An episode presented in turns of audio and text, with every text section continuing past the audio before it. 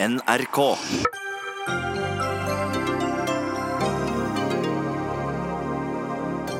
Kjell Ingolf Ropstad setter opp fronter som ikke finnes, mener tidligere KrF-medlem som er gått over til MDG.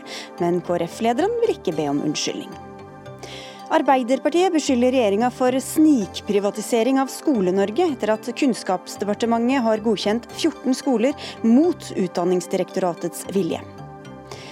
Ny migrenemedisin kunne fått flere hundre pasienter ut i jobb, hvor de bidro med skatt inn i statskassa. Hvorfor blir ikke det tatt med i politikernes beslutning om at medisinen er for dyr, spør samfunnsøkonom. Og forskere blander forskning og politikk, hevder Frp-politiker. Kunnskapsløst, svarer forsker.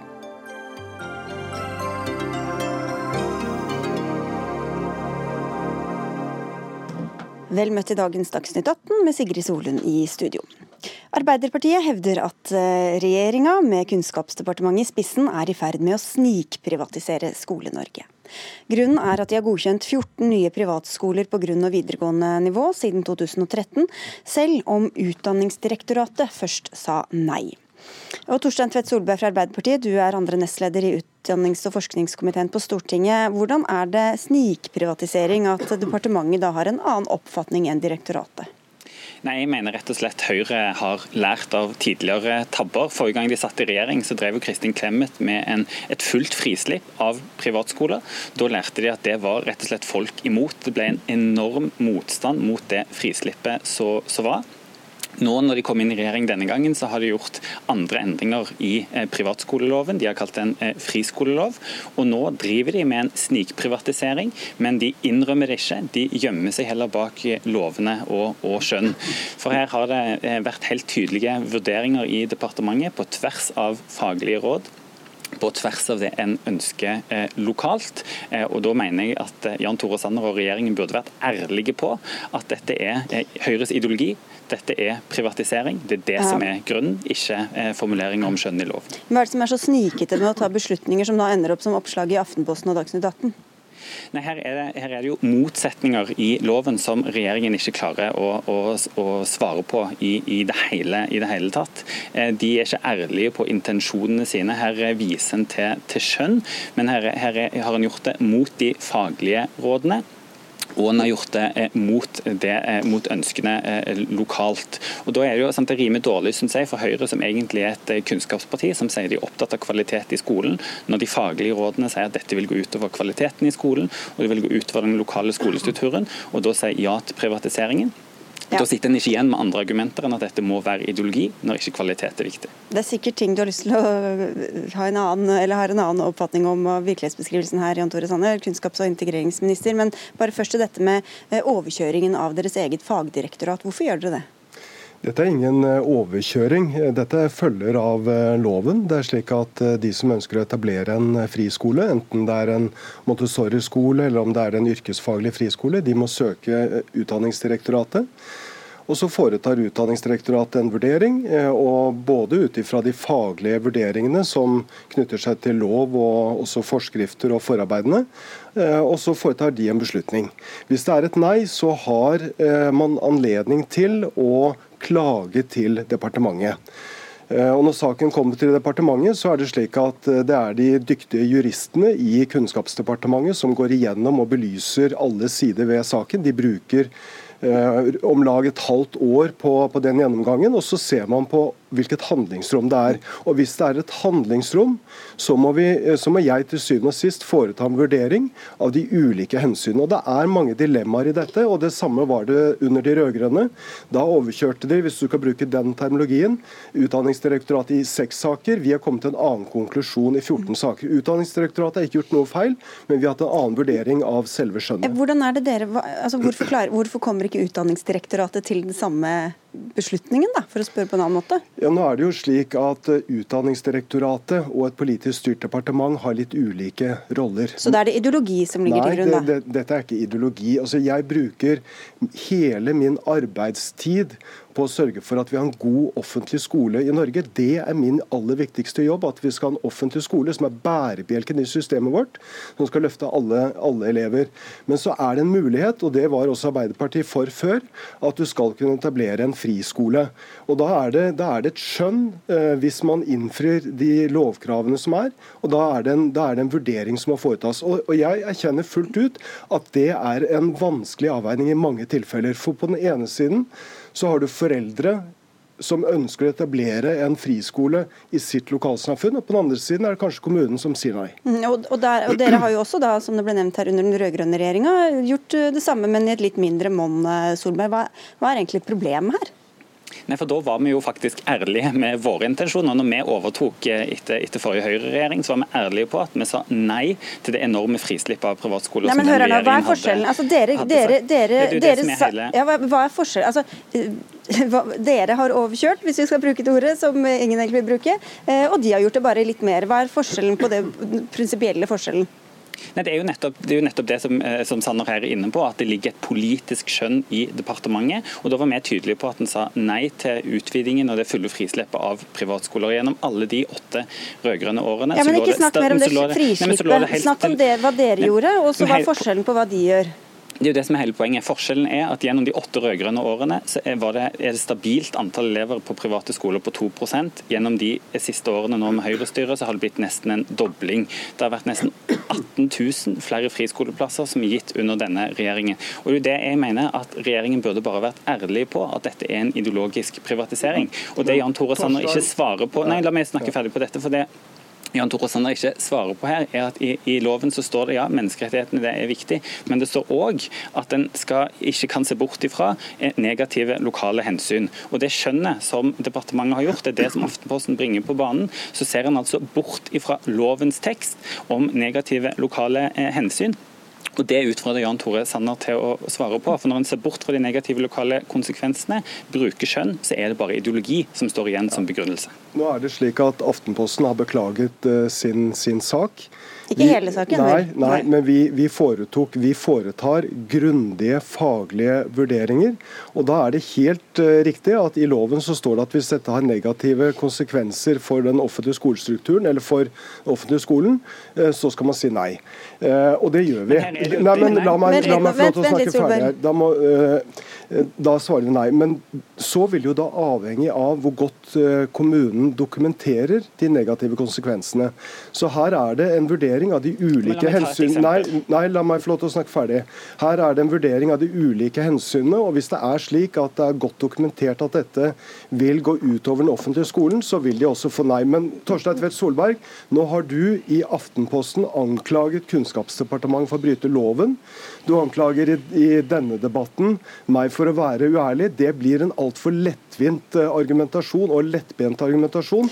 Det er helt greit at du og jeg er uenige om det skal kunne etableres friskoler men du beskylder ikke et kunnskapsdepartement for å bryte loven og være uærlige uten å kunne dokumentere okay, det. Hvis vi bare helt sånn kort, um, Sanner, mener, ikke du, eller mener du at dere har et noe mer positivt syn på friskoler, og at det dermed kan komme til uttrykk gjennom at dere ønsker litt, eh, litt, lettere å etablere friskoler i Norge enn det venstresida gjør? Jo, det gjør vi. Ja. Og da kan det komme ja, til uttrykk ved å godkjenne ja, flere skoler? Det er, det er en ønsket utvikling at det skal være mulig å etablere Montessori-skole, realfagsgymnas eller yrkesfaglig eh, friskole. Det er helt riktig. og Den politiske debatten tar jeg gjerne med, med Tvedt Solberg, men når han i Aftenposten beskylder Kunnskapsdepartementet for å bryte loven, for embetsverket for å ha lettvint saksbehandling, så må jeg si at dette er drøyt og langt over streken. Den politiske debatten tar jeg gjerne. Ok, Da skal du få ti sekunder på slutten på Solberg på akkurat disse, disse lovbruddene. eller potensielle lovbruddene. Eh, vi kommer fortsatt til å, å se om dette er lovbrudd, for her har han sett bort ifra de negative lokale sosiale hensynene. Eh, departementet bruker eh, skjønn som er ideologisk eh, motivert. Det burde Sanner vært ærlig, ærlig på, og det er han dessverre ikke. Så denne saken må vi rett og slett forfølge grundigere. Okay, vi må takke dere begge to. Takk skal dere ha, Jan Tore Sanner, kunnskaps- og integreringsminister, og Torstein Tvedt Solberg fra Arbeiderpartiet. Dagsnytt 18 alle hverdager kl 18.00 på NRK P2 og NRK2. Det har vært kaskader av kritikk mot Kristelig Folkepartis leder Kjell Ingolf Ropstad. I talen til partiets landsstyre sist eh, fredag gikk han til politisk angrep på deler av miljøbevegelsen, og sa bl.a. at den grønne bevegelsen i Europa har en total avvisning av tanken om menneskets egenverdi, og at Miljøpartiet De Grønne deler noe av dette synet. I går morges utdypet han i Politisk kvarter, hvor han fulgte opp med at deler av miljøbevegelsen bare ser på mennesket som strengt tatt ikke noe mer enn et litt intelligent dyr. Katrin Janøy, du er kommunestyrerepresentant i Drammen kommune for Miljøpartiet De Grønne, og du fortalte i Aftenposten om din overgang fra KrF til MDG eh, i etterkant av dette veiskillet da, da Hareide tapte i fjor. Og hva, hva synes du om kritikken, utspillene fra din tidligere partikollega her? Jeg mener at Ropstad setter opp en front mot MDG som ikke finnes, og at han er lite tjent med den strategien. Det tror jeg. Og at han skaper seg en feil fiende. Eh, det er søkt å påstå at det finnes farlig tankegods i bevegelsen og trekke trekke det direkte opp mot MDG. Eh, det finnes ekstreme tanker i kanskje de aller fleste miljøer og bevegelser, men disse kan verken MDG ta ansvar for, og det kan ikke knyttes direkte opp til MDG sin konkrete politikk. Når Ropstad drar fram en setning i prinsipprogrammet til MDG, hvor det står at Miljøpartiet De Grønne har som utgangspunkt at menneskene ikke er hevet over naturen, men er en del av naturen, så mener jeg at du feiltolker det. Eh, det vi i den setningen viser til, er at vi har et forvalteransvar og ikke et, en forbrukerrett. Ja, vi kan jo, Det er mye her, Kjell Ingolf Ropstad, eh, partileder i Kristelig Folkeparti fortsatt. Eh, bare for å ta det fra i dag, så følger du opp da med en kronikk i, eh, i, VG hvor du sier at du ikke vil be om unnskyldning for å ha reist en slik debatt. Men er det det du opplever å få kritikk for, at du reiser en debatt? Ja, For å starte med innledninga di, da, så syns jeg den er meget upresis. Og det opplever jeg hele debatten bærer preg av. Fordi jeg sa ikke hele miljøbevegelsen. Jeg sa deler av miljøbevegelsen, deler av miljøbevegelsen i Europa. Eh, og jeg sa heller ikke MDG. Jeg sa at eh, det òg Eller jeg nevnte for så vidt ikke Norge i min tale, men når jeg ble utfordra på eksempelet, så brukte jeg Une Bastholm eh, fordi hun åpna for aktiv dødshjelp, som jeg er sterkt imot. Men kanskje et bedre eksempel, da. Ja, det er jo ja, ja. Som skriver kronikk om imot menneskeverdet, og at han mener menneskeverdet er ekskluderende. Og, eh, men mitt poeng, og der er jeg helt enig, mitt poeng er jo at KrF og MDG har masse felles. Og jeg var veldig glad når Une Bastholm var veldig tydelig på at hun mente at mennesket er hevet over naturen. At vi har, eh, eller at mennesket er, har større verdi enn mm. dyr. Mm. Og, og, vi har stått side ved side i så mange saker fordi at KrF er et parti som brenner for klima. Hvis det var det som var poenget ditt, så kom det kanskje litt dårlig fram. Bare, la meg spørre deg, Vet du hva stråmannsargumentasjonen er? ja, jeg har hørt det, ja. ja hva er det? Eh, altså, det er å skape seg en fiende som ikke er der. Mm. Eh, og Det er derfor jeg presiserer hva jeg har sagt hele tida. Det er jo nettopp å ta avstand fra det tankegodset som f.eks. hvis du bruker Peter Singer, da, eh, moralfilosof, som gjenger ekstremt ekstremt langt i å egentlig eh, si at noen dyr som har noen flotte egenskaper, er mer verdt enn mennesker som ikke har de egenskapene han mener er gode nok. Men han er ikke medlem i Nei, men han, han, han har vært i Norge. Han, han, var vel der i 2017, holdt foredrag. Han ble invitert av en grunn, og, og det er òg følgere av han i Norge. Men, så, så mitt poeng er aldri vært å si at MDG kommer til å innføre ettbarnspolitikk eller noe sånt. Nei, Mitt poeng har vært å reise en debatt om at det kristne menneskesynet, ja. om at alle mennesker har en unik verdi, lik verdi, det er en viktig debatt å ta. Men da sier du nettopp dette sant, i Dagbladet i dag, om at du vil kjempe med nebb og klør mot innføringen av eh, ettbarnspolitikk i Norge. Så hvilke sentrale aktører er det som kjemper for det i Norge? Nei, det, Hvorfor er det relevant å trekke opp? Det, det, samme sa jeg òg. Altså, hvilke relevante aktører kjemper for det? det er, jeg, jeg kommer på kanskje noen som er nevnt veldig konkrete konkrete tiltak for å redusere befolkningen. Du vil kjempe med nebb og klør mot den, men, ja, eh, men, det finnes men, ingen på den andre nei, siden du skal kjempe mot? Det er jo resultatet av at jeg mener at media òg bløser det opp i helt andre dimensjoner enn det som har vært mitt utgangspunkt. Så derfor er jeg veldig glad for å sitte her og si at ja, en av de viktigste verdiene i det kristne menneskesynet og det kristne forvalteransvaret, det er jo nettopp å ta vare på jorda. Eh, og det kommer jeg til å bruke masse tid på, og det var det jeg brukte mest tid på i talen min òg. I den kronikken du skrev, så opprettholdt du, var det i VG du skrev, så så opprettholder du kritikken mot miljøbevegelsen. Og så avslutter du med å si at Miljøpartiet De Grønne og KrF egentlig har veldig mye til felles. Og du snakker om at dere, dere, ønsker å fokusere på klima og miljø. Du har respekt for Miljøpartiet De Grønnes politikk på det området. Så lurer jeg på hvorfor kan vi ikke heller snu på det? Hvorfor kan, kan du ikke heller ta det først? Og så kan vi snakke om at det er verken noen som er over eller under, men at vi er sidestilte fordi at vi menneskene vi har et forvalteransvar overfor ressursene. Ja, for Det var det du viste til. fordi at For å underbygge kritikken din, for å bruke dine egne ord og ikke bli tillagt uh, sitater her, uh, så viser du da til dette sitatet her at Miljøpartiet De Grønne har som utgangspunkt at mennesket ikke står hevet over naturen, men er en del av naturen. Mener ikke du at mennesket er en del av naturen? Jo, men jeg mener at mennesket er satt til å forvalte naturen og at vi har en spesiell egenverdi som menneske. Eh, og Det er jeg veldig glad for. Og Det sa jeg jo i Politisk kvarter i går. Jeg tror jeg roste MDG òg for å være viktig i miljøkampen og sette viktige saker på dagsordenen. Men, men det her jeg mener at eh, eh, dette er jo en relevant debatt å løfte. Men jeg frykter ikke at MDG eller miljøbevegelsen, som jeg samarbeider så mye med, jeg har så mange flotte venner i miljøbevegelsen som gjør en fantastisk jobb, og som jeg tror gjør kanskje noe av den viktigste jobben for at Norge skal bli enda enda mer offensive på klima. Du, vi må få med litt flere her. Trude Brosvik, du er gruppeleder for KrF i Vestland fylkesting. Du sto også på såkalt rød side, da, altså motsatt side av Ropstad under dette veivalget i fjor, men i motsetning til Janøy her, så har du forblitt i partiet. Hva syns du om disse siste dagers utspill fra partilederen din? Jeg eh, hørte på talen, eh, og jeg syns det var veldig flott når han starta så klart om klima. Eh, og var tydelig på at en ikke skal tulle med iskanten. Eh, så er jeg enig i den debatten som en prøver å dra opp når det gjelder menneskeverd, og hvor viktig menneskeverd er.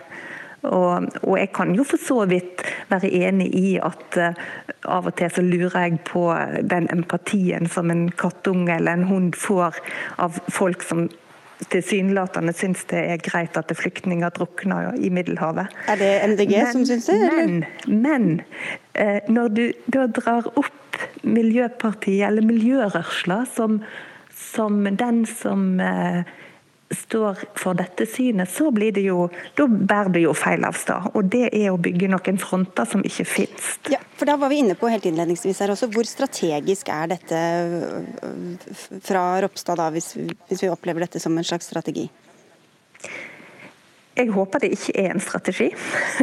Eh, jeg syns eh, det er en dårlig strategi i forhold til at vi, og det forsikrer jo både Ropstad og, partiet, at vi er et sentrumsparti og at vi skal styrke sentrum. Og i det sentrum vil klimapolitikken være viktig, og i det sentrum er Miljøpartiet De Grønne, som er blokkuavhengig, og som i lag med KrF, Venstre og eh, Senterpartiet vil være en sterk politisk kraft framover, hvis en tenker eh, partipolitisk strategisk. Du skal få svare straks, Ropstad, men vi skal få inn en mann ved din side her. Vebjørn Selbekk, sjefredaktør i Den kristne avisa Dagen. Du var her i dag morges i Politisk kvarter også, og siden har vi jo fått flere kronikker og intervjuer gjennom dagen fra Ropstad. Og du, i motsetning til disse to andre KrF-erne og tidligere KrF-erne her, så applauderer denne strategien, hvis det er en strategi, da.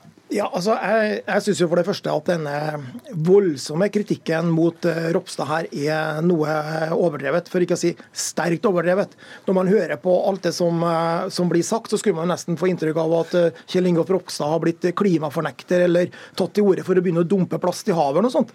Det som er faktum, det er jo at Kristelig Folkepartis program ligger jo fast. Det er akkurat like mye eh, innsats eh, mot klimaendringer, akkurat like mye innsats for miljøvern, internasjonal solidaritet, bistand og alt dette. Man har jo til og med bistandsministeren. Så det er jo ikke noe, det er jo ikke noe eh, politiske endringer her. Men dette handler jo om å reise en verdidebatt mot en bevegelse som er veldig stor, eh, innflytelsesrik, kommer til å bety mye i mange generasjoner. I, inni den bevegelsen finnes det mye forskjellig tankegods og mange forskjellige verdier. Og Hvis ikke KrF skal kunne reise en viktig verdidebatt, hvilket parti skal gjøre det da, spør jeg. Men Selbekk, du freste fra sidelinja når eh, verdidebatten ble reist mot et parti som vi nå er i regjering med, som bevisst forsøpla debatten.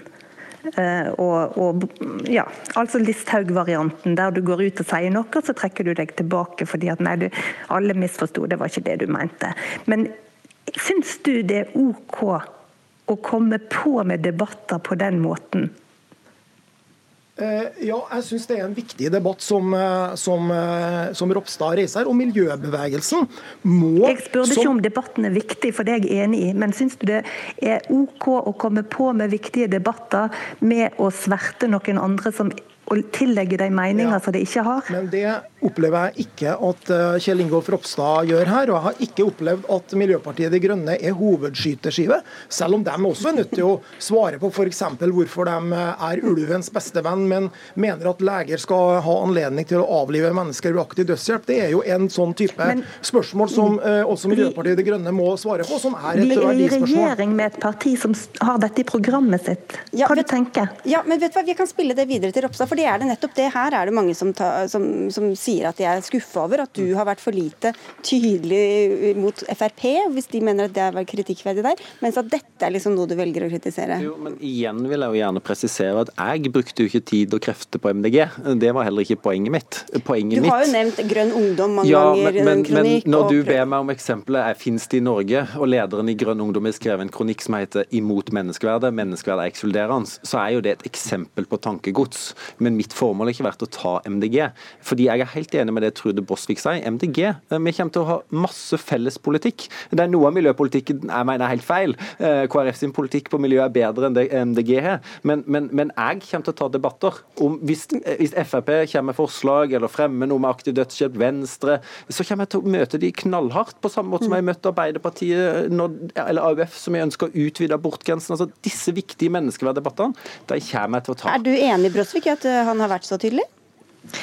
Altså, jeg, jeg tror eh, Kjell Ingolf Ropstad på det engasjementet han har for KrF og for de viktige sakene KrF har. Eh, det er nok helt klart eh, debatter jeg skulle ønske vi som parti var tydeligere i nå etter at vi var kommet i regjering. Eh, jeg likte at en begynte tydelig i dette som handler om høyreekstremisme, sa det var et problem. Jeg likte at en tok opp det som gikk på presset eh, på trosfrihet, og jeg liker at en setter menneskeverd på dagsorden, men jeg syns det kom feil ut med å skyte på miljørørsla. Hvordan blir dette tatt imot eh, hos dere med tanke på et mulig fremtidig samarbeid i MDG? da? Altså, Vi er jo opptatt av å få på plass god politikk. Eh, og Derfor så tenker jeg at eh, vi vil jo på en måte ha KrF litt tilbake til sine røtter.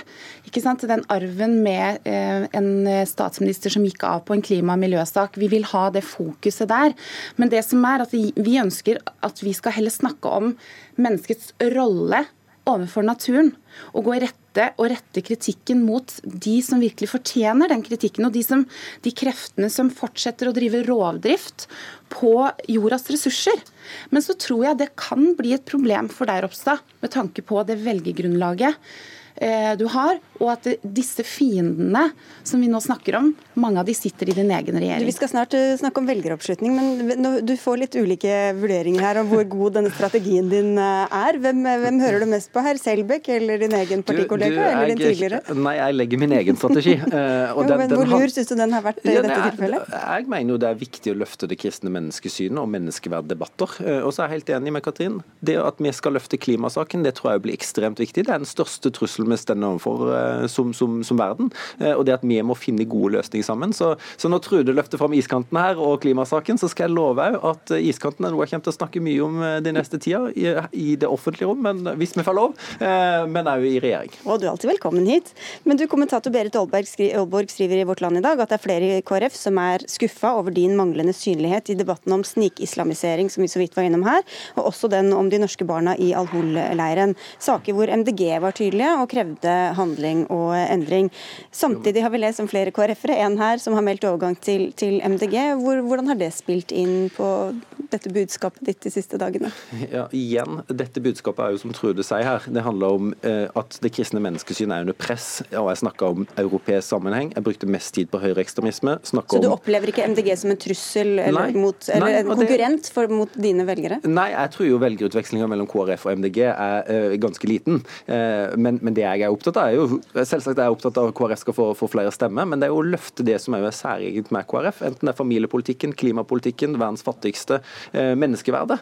Det er debatter som jeg mener er viktig. Eh, og mitt mål var aldri å ta MDG, så igjen vil jeg presisere. Jeg er glad i MDG, jeg er glad i miljøbevegelsen i Norge, og jeg ønsker et veldig godt samarbeid med de framover, fordi vi skal ha mer offensive tiltak i klimakampen. Var det det du hørte tidligere i denne uka, Selbekk, som vi hadde med siste ord her? Nei, eh, nei jeg, jeg syns jo ikke det. Jeg syns jo at det var litt, var litt, spennende med en litt mer konfronterende stil. Ja, For nå er spenningen gått over? Fra, nei, men, men, men jeg tror jo at Eh, mange syns det er ålreit at også eh, miljøbevegelsen blir gjenstand for en debatt. Og Det tror jeg kan være en fordel for Ropstad, også velgeroppslutningsmessig, hvis eh, han er den som reiser den debatten. For dette er en mektig bevegelse, og som alle andre bevegelser med makt, så må vi ha en levende debatt og diskusjon rundt dem og deres verdigrunnlag. Vi skal da sette over til deg, Johannes Berg. Du er forsker ved Institutt for samfunnsforskning og leder for valgforskningsprogrammet. Hvordan kan dette budskapet fra Ropstad om, om det kristne kristne menneskesynet, og at det mm. er under angrep eh, slå ut hos, hos, velgerne, tror du? Ja, jeg tror Den delen av budskapet som du refererte nå, tror jeg kan slå an hos KrFs eh, egne velgere. Det å snakke om eh, menneskeverd, det kristne menneskesynet, er selvsagt noe som er viktig for KrFs egne velgere og, og, de som stemmer på partiet i dag. Og totaliteten, da? Totaliteten kan man jo diskutere litt mer, for da, da i og med at det også ligger et, et angrep på miljøbevegelsen. Og vi vet jo også at KrFs egne velgere er opptatt av miljø og klima, og tilhører vel miljøbevegelsen i, i, noen grad.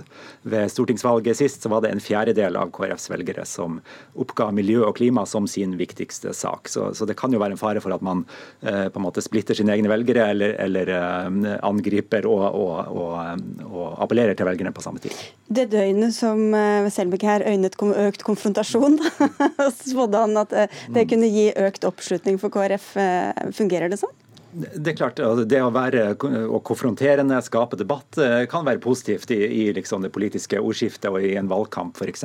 Men, men det er viktig da å appellere til en velgergruppe som, som kan være interessert i å stemme på KrF. Og, og, eh, og, det er mer uklart om man gjør det her. Det, det, som har skjedd eh, over tid, er jo at KrF har mistet en del velgere, særlig til den rød-grønne siden. Vi vet også når KrF hadde, gjorde sitt beste valg i 1997, så, så var det velgere mer mot den rød-grønne siden som, som da komme over til eh, KrF. Så, eh, så, der har man i hvert fall en del velgere å hente, og det gjør man nok ikke med, med dette utspillet. Men så sa Ropstad her at han ikke trodde det var noe særlig utveksling av velgere mellom MDG og KrF. Hva, hva vet vi om det? Ja, Det er begrensa med utveksling mellom de to partiene. Det er ikke så mange å ta av utgangspunktet? Det, det kan du si. Men mens mot andre rød-grønne partier, og særlig Senterpartiet, da, som jo tar velgere fra alle andre partier for tiden, der har det gått en del tidligere KrF-velgere. Ja, hvor, til Senterpartiet primært? Og hvor, hvilke andre partier da? Eh, også til, eh, til Arbeiderpartiet og, og, og Venstre f.eks. Men, men eh, de største overgangene ved forrige valg var til Senterpartiet. Da vet du hvor du kan lete, Kjell Ingolf Ropstad. Jeg tror Senterpartiet er enig i at dyr ikke skal ha lik verdi som mennesker, så det er jo godt utgangspunkt. Ja, det kan begynne der, da. Takk skal dere ha alle sammen for at dere var med i Dagsnytt 18. Kjell Ingolf Ropstad, Katrin Janøy nå fra MDG, Vebjørn Selbekk fra Dagen, Johannes Berg fra ISF og Trude Brosvik fra Kristelig Folkeparti.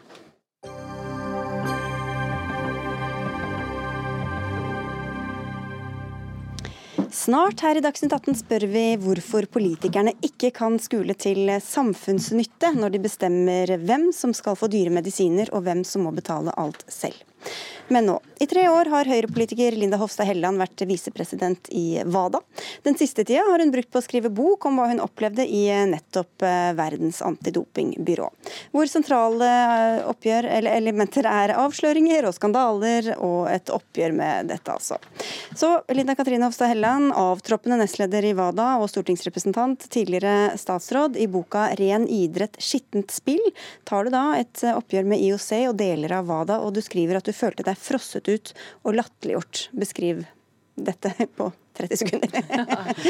ja, nei, altså Jeg kom jo eh, inn i WADA med ønske om å bidra til en endring.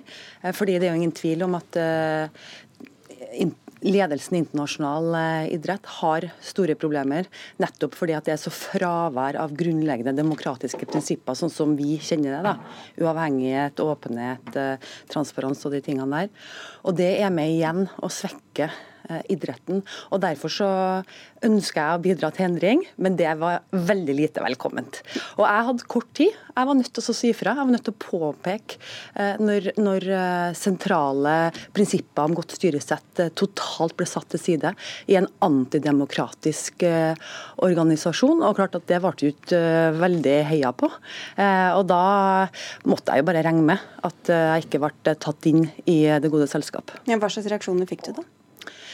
Uh, altså, Utøverne som satt i styret sammen med meg, uh, en av de Becky Scott, uh, skiløperen fra Canada, hun gikk jo faktisk til rettssak mot WADA mot sin egen organisasjon pga. mobbing, pga. trakassering. Edvin Moses, en av verdens mest berømte hekkeløpere, han Eh, han fortalte meg etter et styremøte at i hele sitt 64-årige liv så hadde han aldri blitt ydmyka sånn som han ble av president Craig Reedy.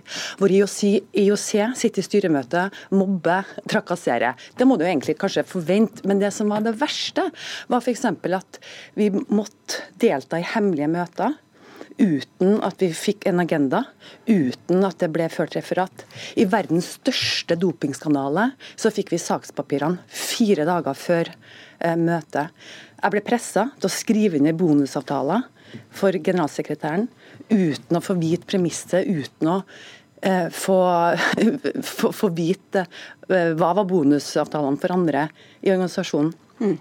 Og for en som kommer da fra myndighetene til side, og særlig Norge, som er, vi er gode på godt styresett på mange områder, så ble det eh, for meg eh, et valg jeg måtte ta, da, om enten å si klart og tydelig fra, fortelle offentligheten om hva som foregikk, og gjøre motstand, eller å gå. Jeg kunne ikke velge en sånn mellomstrategi, være litt glad i å si den ene dagen og motta den andre, eller gå helt under radaren, være en nikkedukke. Jeg sikkert kunne ha sittet der i dag eh, og kunne ha vært med 30 år mer internasjonal idrett, men det var ikke et alternativ. Jeg var nødt til å si fra, jeg var nødt til å gjøre den jobben for utøverne som ikke var da klare, og som ikke IOC klarer. Hvor, hvor, god støtte opplevde du at du fikk fra ditt eget forbund, altså Norges eh, idrettsforbund eh, hjemmefra, i, i denne kampen mot, mot doping?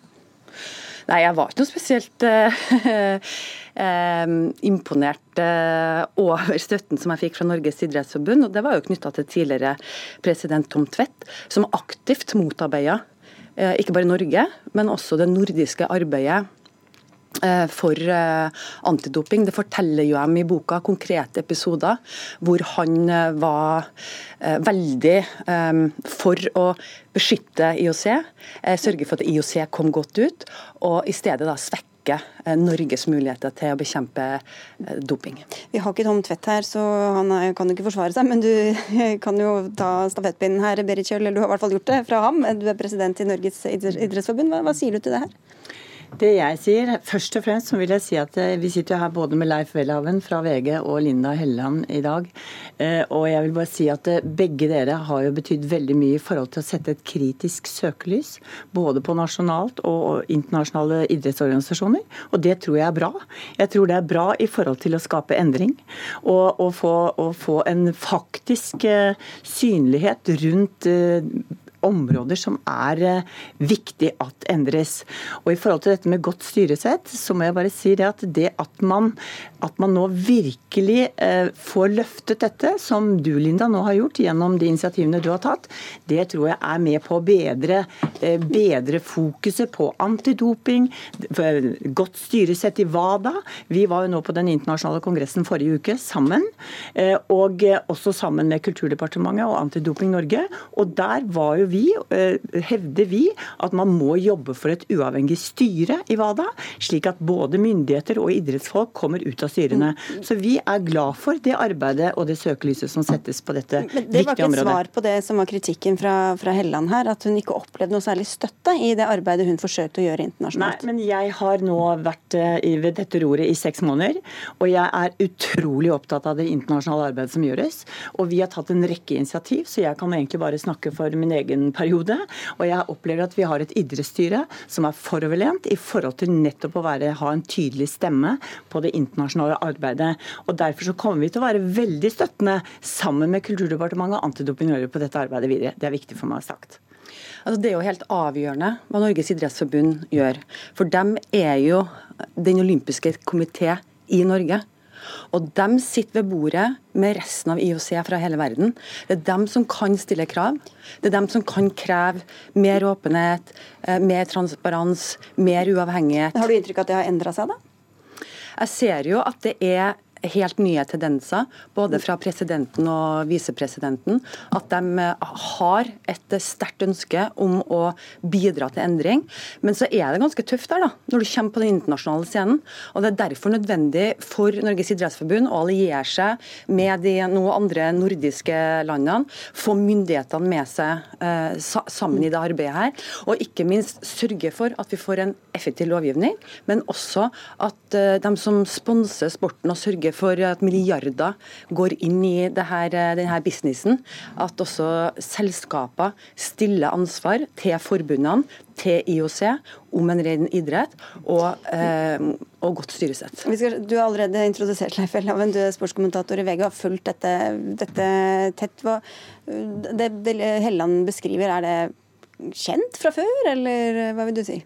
Altså, mye av det Helleland beskriver, eh, underbygger jo og dokumenterer altså fra innsiden inntrykk man har fra før. Og Det store overordnede problemet her er, er jo at du har en internasjonal idrettsbevegelse, IOC, som insisterer på å ha hendene på rattet i enhver sammenheng. Verdens antidopingbyrå altså, eies halvparten av idretten og halvparten av myndighetene. og Problemet er at de samme aktørene som altså har milliardinteresser for å promotere positivt en idrett og tjene penger på dette. Samtidig altså, sitter han på vei og kontrollerer antidopingarbeidet som handler om å avdekke det som er ubehagelig. Så Bukken passer havresekken-systemet er gjennomgående i, altså, i idretten. og her er jo det store problemet. Derfor er det viktig at vi får denne type varsler. og Det er veldig positivt at eh, det nå er en ny tone i NIF. Samtidig så skal vi ikke lenger tilbake enn idrettstinget i vår. Da idrettslederne det, i det øverste organet fikk valget mellom å være tidlig ferdig til middag eller å ta en ordentlig debatt om sitt eget forhold til IOC, og for forsamlingen var åpenbart veldig sulten. Så, ja. altså, det, er, det, er, litt å gå på, men det er, uh, altså, det, men det er helt åpenbart at noe, altså, noe må skje. Altså, det er noen antikvariske strukturer i internasjonal idrett som ikke tåler tidens tann i 2019 overhodet. Og noe er rett og slett bare nødt til å skje, for det kan ikke fortsette sånn som det er i dag. Var dere så sultne, Kjell? Eh, la meg si det sånn, jeg har invitert nå eh, hele idrettsstyret bystyret til IOC. Vi skal dit nå neste år. Til middag, ja? Nei, ikke til middag, men faktisk forstå mer. For at dette handler om å forstå, få innsikt og ta tak. Men jeg har også lyst til å kommentere på din, eh, det du sa i sted med å skape allianser. For det tror jeg er utrolig viktig. Og nå er vi i gang med å skape sterke allianser med de nordiske landene, men også i Europa generelt sett, sånn at vi får en felles stemme inn i disse miljøene og kan dermed, dermed endre. Mm. Men vi må erkjenne at dette tar noe tid. Og så må vi være kloke, og så må vi være tøffe og, og stå på. Så er det samtidig selvfølgelig altså, NIF har et, en utfordring når det gjelder å regulere nærhet eh, og, og avstand til eh, IOC. Slik norsk idrett er organisert, så har altså da IOC en egen eh, styrerepresentant med stemmerett i det norske idrettsstyret. Og ikke at det, er noe, det er ikke noe galt med, altså med den personen, altså, men rent prinsipielt så kan man altså diskutere hvor tett det er naturlig at IOC skal ha påvirkning på en nasjonal nasjonale idrettsorganisasjon som NIF. Men det å gå inn med en sånn tanke om å skulle endre, hvor realistisk er det egentlig i en sånn enorm organisasjon. Og, ja, Nei, altså, det kan man si, skal nevne noe eller, altså, Helleland som lanserte en presidentkampanje, så var vel altså, realismen i den, kombinert med altså, nær, altså, nærmest sånn revolusjonære linjen eh, og retorikken som en til, så tror jeg vel egentlig at Helleland sannsynligvis altså, innså godt selv at uh, sannsynligheten for å bli valgt til WADA-president når du velger å være så konfronterende, den var ikke stor. Samtidig er jeg veldig glad for at hun gjorde det. Altså, når jeg fikk IOC og Russland som motstandere, og som ønska for enhver pris at jeg ikke skulle vinne frem, så skjønte jeg jo hvor det bar hen. Men det var faktisk viktig at noen sto opp for oss at vi trenger endring. Dette er en endring som eh, vil føre til at ikke idretten blir ødelagt. For jeg mener at fortsetter vi sånn som dette her, så mister idretten sin legitimitet og troverdighet. Og Det er derfor viktig at WADA blir uavhengig. Altså, nå er det IOC som styrer hele den butikken. Og de er opptatt av at doping ikke ødelegger for uh, vellykka idrettsarrangement. Og Vi ser jo bare på den Russland-saken nå. da, Det er over fire år siden det ble dokumentert og bevist at det går helt til øverste topps i Russland. og at WADA, som da verdens antidopingbyrå, ikke klarer å komme til bunns i den saken og komme til en konklusjon, det viser bare at det er, systemet er ødelagt. og Derfor så, så, trengs det en endring til. og Da må noen ut og varsle og fortelle hvor skakkjørt det er. Men vet du hva jeg har lyst til å si? Men Norge er en utrolig sterk idrettsnasjon. Vi blir lyttet til. Og IOCs representant i idrettsstyret er veldig ryddig. Og det er nå slik at alle IOCs nasjonale olympiske komiteer har, idretts, har representanter i sine respektive lands styrer. Så her må vi stå sammen med Kulturdepartementet, Antidoping Norge og andre aktører for å sørge for ren idrett og ryddige regelverk. Du har to måneder igjen som nestleder. Det kan jo bli trivelige måneder, Helleland. Lykke til med det. Takk skal du ha for at du var med i Dagsnytt 18, og takk til Leif Welhaven fra VG og Berit Kjøl fra Norges idrettsforbund.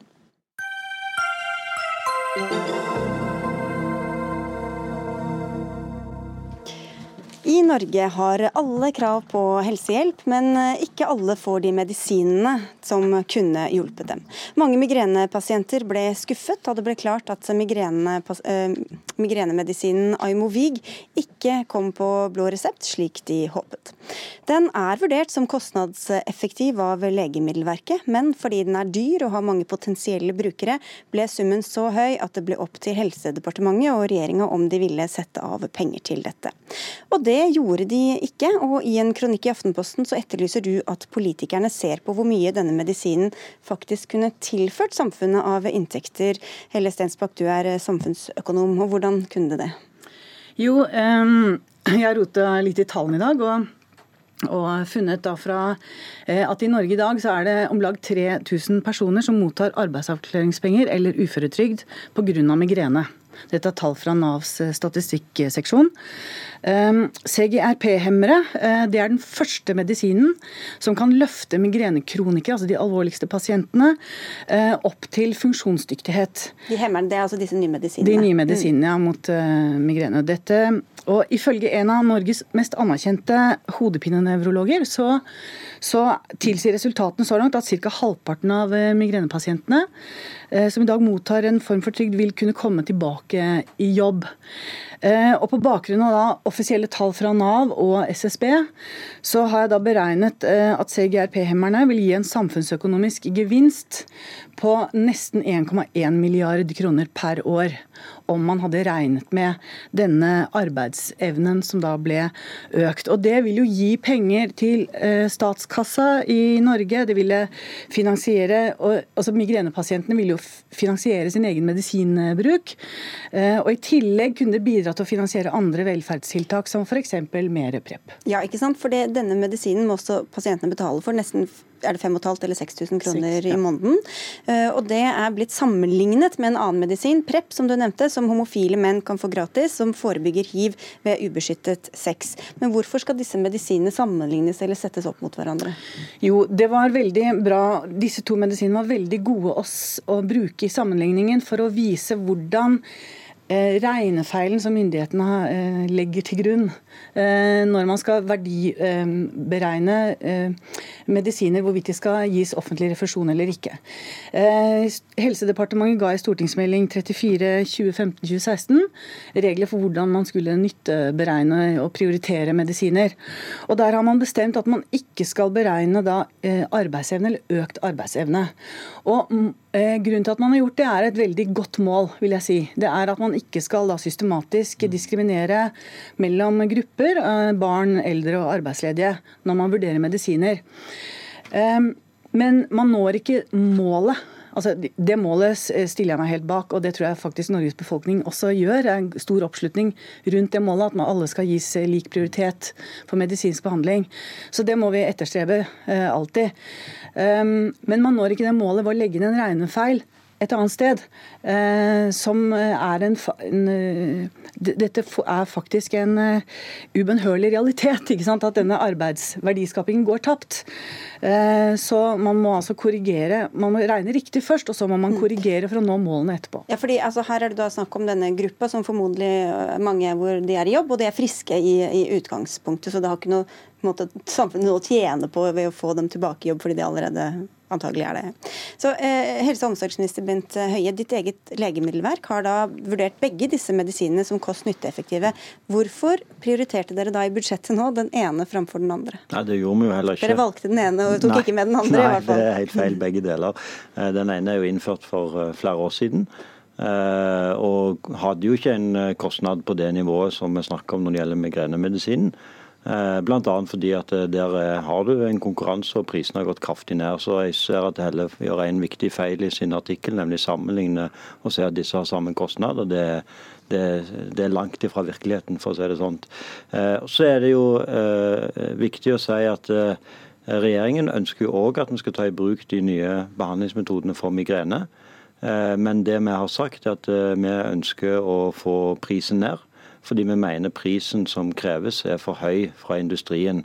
Og Spesielt i en situasjon der man nå får eh, tre eh, av disse legemidlene, så er det grunn til å tro at eh, den som er først ute, som omtales mye, de ønsker selvfølgelig å komme i hyllene først for å få høyest mulig pris og få størst mulig andel av pasientene, men vi ser at vi kan nå få prisene ned. og Det betyr at vi får brukt samfunnsressurser på en klok måte. Og Veldig mange av landene rundt oss har jo sagt nei til denne behandlingen, fordi de mener at prisen ikke står i forhold til, eh, til nytten. Men ditt eget legemiddelverk mener jo ikke det, da? Må, det er vel den du skal forholde deg altså, til? Det, det, er helt riktig at Legemiddelverket mener at uh, dette er en kostnadseffektiv behandling. Men fordi om det er en kostnadseffektiv behandling, så betyr ikke det at vi som myndigheter skal se at da betaler vi den prisen som selskapet krever i en situasjon der det faktisk er konkurranse. Og Jeg håper jo at vi nå eh, så raskt som mulig, og vi er inne i gode samtaler med selskapene, vil få en pris som gjør at vi kommer under det som er fullmaktsgrensen.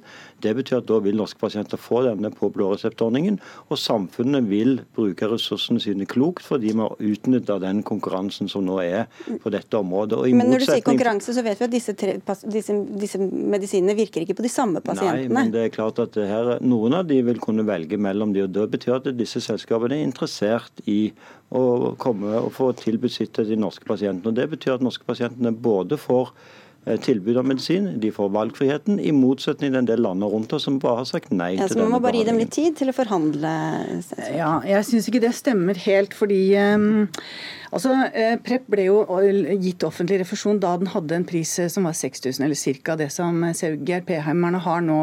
Uh, og, og, um, uh, og det er um, Altså, eh, Det er en annen eh, regnefeil også, da, eller ikke en regnefeil, men en feil som er lagt inn blant myndighetene. og Det er en pengegrense på 100 millioner som gjør at eh, man da må sende altså, Da må man ha en annen behandling. og Det, det betyr at denne denne pengegrensen den gjør at eh, den diskriminerer pasienter da, og motarbeider nettopp myndighetenes mål om likebehandling for alle.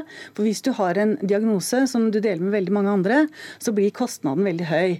Men det er jo den der budsjettmessig beregnede kostnaden. Men når det det jeg snakker om, er den samfunnsøkonomiske det, lønnsomhetskostnaden. Ja, og, og, der må man gjøre nei, beregningen og riktig. Og der, og det er, altså, jo, men det er sånn at der er både eh, PREP og eh, Aimovig og de to andre medisinene, det er tre ulike medisiner.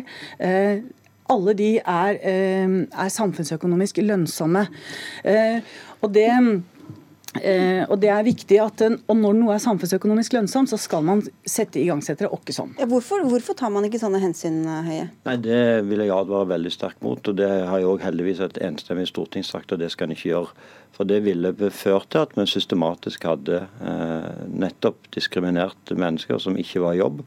Det hadde, ført, det hadde vært et fundamentalt brudd på de verdiene som de norske helsetjenesten eh, bygger på. Det hadde ikke Altså, Jeg hadde rett og slett ikke fått leger og sykepleiere i Norge til å operere innenfor et system der vi systematisk hadde diskriminert pasienter som som, eh, som, ikke kunne delta i arbeidslivet. Og vi hadde hatt et syn på helse om at du skal få helsetjenester ut ifra hvor mye du kan bidra til samfunnet. Det, det bryter bare rett og slett fundamentalt med helseverdiene. Hvordan skulle man klare de prioriteringene uten å ramme kronikere, altså, altså syke, gamle, unge osv.? Ja. Ja. Nei, dette er ikke riktig. Man har, altså, myndighetene har laget et system for verdivurdering og beregning, nytte, helsenytteberegning av medisiner. Det ser godt ut fra mitt ståsted, som da ikke er medisiner. Men det ser ut som en god, en god beregningsmetode. Og, man, og man har en god samfunnsøkonomisk beregningsmetode. Disse to metodene gjør at myndighetene kan prioritere medisiner på en god og effektiv måte. Og Hvis man hadde gjort det slik, så ville man fått bedre helse i befolkningen. Mindre lidelse, mindre smerte, raskere medisiner til større grupper. Fordi man får denne multiplikatoreffekten ved å nettopp få de ressursene i arbeid som, som man kan. Men, men bare forklar, altså, Høie, det, det, sitter da mange, flere tusen mennesker der ute med voldsomme smerter, helt invalidisert, de kan ikke gå på jobb, klarer kanskje ikke å fungere helt i hverdagen, og venter og har kanskje ikke råd til å betale denne kjempedyre medisinen som kunne fått dem ut i jobb. Hva vil du si til de pasientene, da? Det, jeg forstår veldig godt deres fortvilelse, og derfor håper jeg at vi veldig raskt vil få en løsning der vi tilbyr i Norge denne behandlingen. Eh, Hva er veldig raskt, da? Så, eh, det, det, det, er avhengig av hvor raskt vi blir ferdig med behandlingen, men jeg håper at det skjer, eh, skjer veldig raskt. Og Det tidligste vi kunne ha fått det til hvis dette hadde ligget i budsjettet. Men Hvorfor kunne du gi de PREP-medisinene for, for, to år siden da, til én gruppe, mens, mens, denne gruppa har du liksom fordi, ikke råd til å gi penger til? Ja, fordi det er snakk om, For det første snakk om to helt vidt forskjellige summer. Uh, og, Men det var jo ikke det på den, jo, det tidspunktet? Det, det var det, fordi vi visste jo på det tidspunktet at dette var et legemiddel som kom til å falle i prisen fordi det ble generisk konkurranse. Så vi gjorde jo dette på det tidspunktet vi visste at prisen ville gå kraftig ned. Uh, så er det jo sånn at det har jo vært en stor suksess. Eh, vi har forebygd eh, en rekke Det kunne kanskje vært en stor suksess å få alle ja, migrenepasientene ut i jobb også? Da, så er det jo heldigvis sånn i Norge at når vi prioriterer, mellom, prioriterer legemidler, så prioriterer vi hvert enkelt behandlingsmetode. Det er ikke sånn at vi setter forebygging av hiv opp mot migrenebehandling. Det er hver enkelt metode som blir vurdert eh, for seg. og På denne måten så sørger vi for i Norge at vi både tilbyr god behandling raskt, men samtidig at vi òg får hjelp flest mulig. Men for all del, aldri finne på å innføre et system der mennesker som kan bidra i arbeidslivet, blir prioritert foran andre okay. pasienter. Det er Vi har bare ti sekunder på tappen her. Ja. Ja. Prep ble eh, offentlig, lagt på offentlig refusjon da medisinen kosta 6000 kroner, eller rundt det. Og nå koster den 800. Det viser at det er godt rom for å få ned prisen på medisin også etter at man har innført den med offentlig refusjon.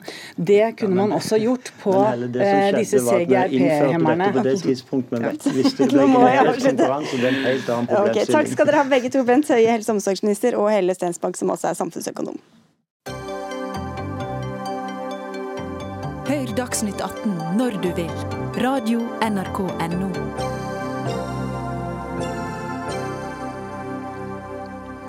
Bruker norske forskere stillingen sin til å påvirke politikken? I hvert fall noen av dem, skal vi tro deg, Jon Helgheim. Du sitter på Stortinget for Frp og skrev dette i en twittermelding og siden i en kronikk i, i Dagbladet. Hvordan blander forskere forskning og politikk, mener du?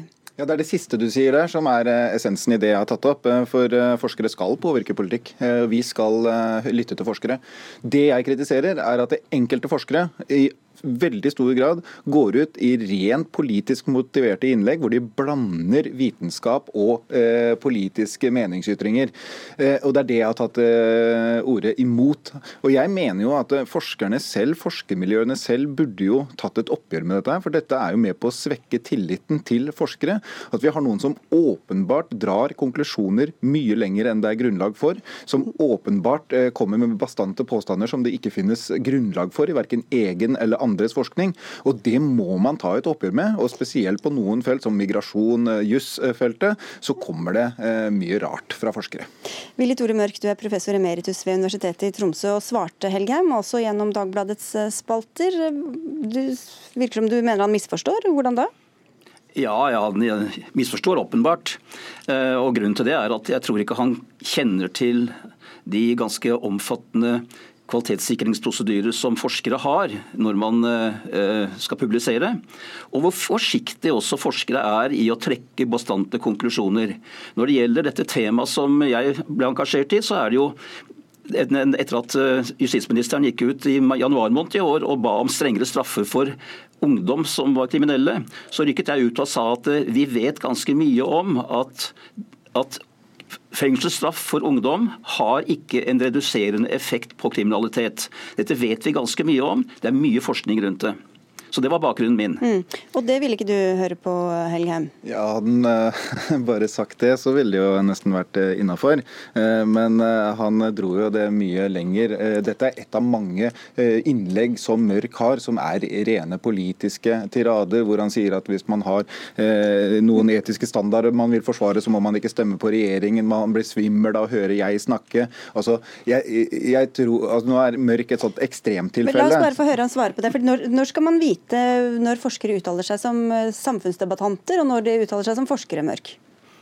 Nei, Man skal eh, lese hva de skriver Noen når man uttaler seg som samfunnsdebattanter. Og jeg har vært en samfunnsdebattant innenfor mitt fagfelt en god stund. Og jeg bruker forskningsresultater, og jeg bruker min, både mine egne og andres forskningsresultater i den, i den, debatten. Men er det lett, er det gitt å skjønne når du sier noe ut fra forskning, og når det bare er dine egne meninger, da? Ja, men mine meninger baserer seg på forskning, da. Nei, det gjør det jo ikke. Jo, eh, det vil jeg påstå. Nei, men når du skriver disse innleggene dine som er så politisk lada at det, eh, jeg tror det er pinlig også for andre forskere å lese det, eh, så er ikke det basert på forskning. Og når du sier det, altså Du sier ikke at vi vet ganske mye om at forskning ikke fungerer på unge. Du dro en lang tirade om at fengsel generelt ikke fungerer, spesielt ikke for ungdom, og at all forskning var entydig på dette, mens det er lett å finne forskning som ikke støtter opp under men, den konklusjonen du har tatt. Det er den unøyaktige unøyaktigheten og sammenblandinga som jeg går til angrep på. og Da mener jeg at det må forskerne selv rydde opp i. Men hvis vi tar det litt mer prinsipielt, til Klassekampen så har du sagt at du ønsker flere innvandrerkritiske forskere. Så vil du at den skal være politisk, eller vil du at den ikke skal være politisk? Eller Nei. politisk når den bare støtter deres syn, eller? Nei, jeg mente faktisk at vi må eh, bruke forskning, men vi må også ta inn eh, andre stemmer og andre erfaringer. Eh, og den, de så sitatene der er ikke ha... ment som at vi trenger å dra inn politisert forskning som støtter mitt syn synspunkt. Det er ikke sånn det er ment i det hele tatt. Men det jo, hvordan kan man tolke det annerledes? Nei, det er for det, det står i det forslaget som det er referert til, eh, hva vi faktisk mener. og Der står det det at man skal eh, supplere eh, forskningen også med erfaringer og rapporter fra andre steder. Som ikke er forskning? Eh, man skal selvfølgelig gjøre det. og vi skal, eh, når vi forholder oss som politikere... Er det forskning eller ikke forskning det er snakk om da?